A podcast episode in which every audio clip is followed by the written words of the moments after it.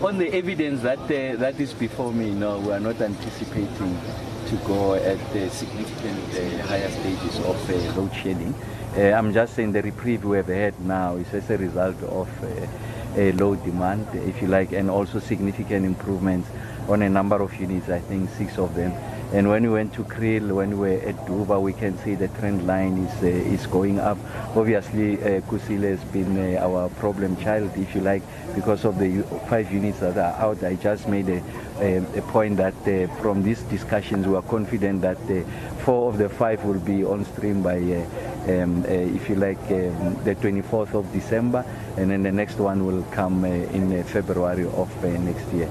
So, so if we don't get an extremely cold uh, winter, and then we continue to see, uh, if you like, the kind of improvements that we are seeing, no, I don't think that uh, we are going to go to higher stages of uh, load shedding beyond what we, had, we have been experiencing. And if there's anything that suggests that uh, uh, there's something to communicate to the general public, I think uh, our modus operandi now with ESCOM is that we are going to be brutally frank with the general public. I'll take you into confidence where we are in relation to the grid consumption and also what is coming on the generation side. So no, I'm, I'm not anticipating that. If there's any significant uh, movement, uh, negative or positive, we'll communicate that to the general public. So we'll be honest, transparent about uh, where we are in relation to the resolution of this problem. But I remain confident and buoyant. Having gone to the power stations three now, out of the way, uh, we're going to do, of course, when we, we leave here, I think we're doing Kendall, we'll also get a sense of where we are. But if you like, the trend line of the energy availability factor is going up because of the committed men and women, patriotic, professional, skilled, talented. They have their hearts in the right place. They, they want to resolve this problem.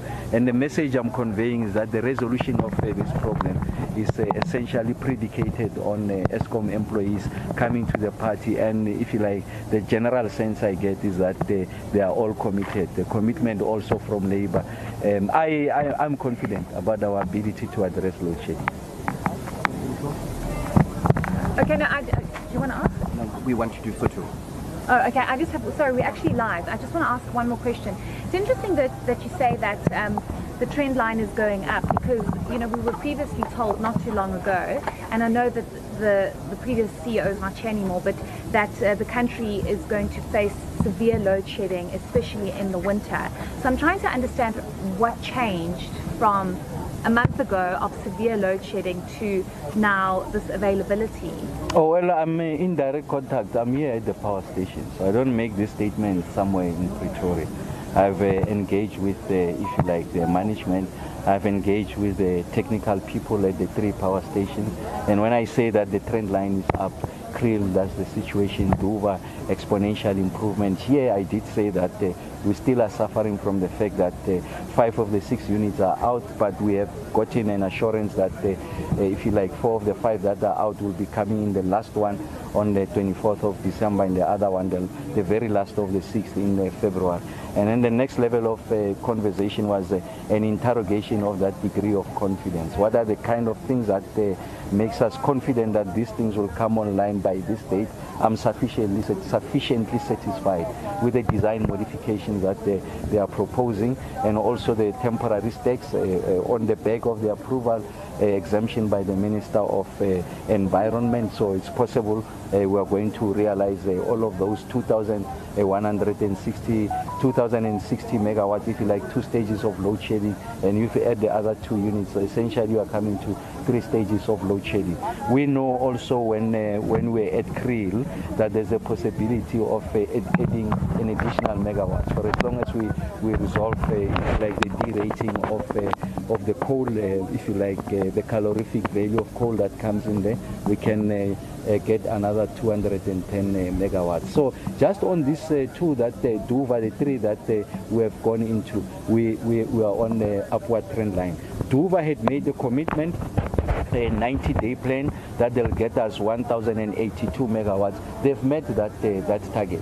And in fact, when I left, they were going to revise what are the additional megawatts they can get on stream. And that's why I'm saying I'm confident. So this is not a typical politician wearing a suit, just having a general conversation. He's an engineer and engaging in a very robust technical uh, discussion with uh, other competent engineers. So we are, we are, we are, we are confident about our ability to, to improve this, uh, this uh, the performance. Like I said, of course, winter is a, is a major hurdle.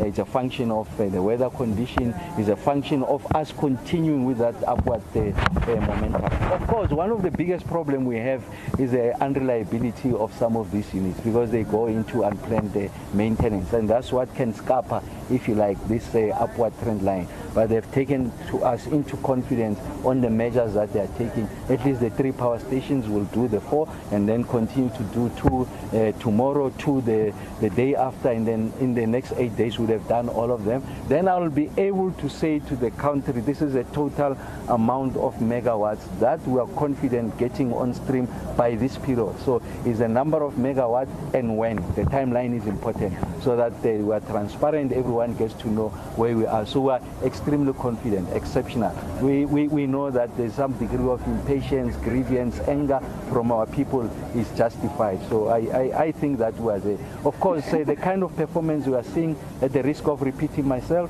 is a result of uh, low demand and also that upward trajectory. And that's why you are not seeing stages of load shedding. Of course, we are projected to be stage two, I think, from uh, uh, 4 p.m. today. So people need to appreciate that. There's no one who switches on and off the switch. Doesn't exist. You don't wait for outside pressure for people to say switch on, switch off the switch. Our intention is to have the lights on all the time as and when people need it. But of course, there are technical constraints, which is what we are resolving, and that's what we'll be communicating to the general public.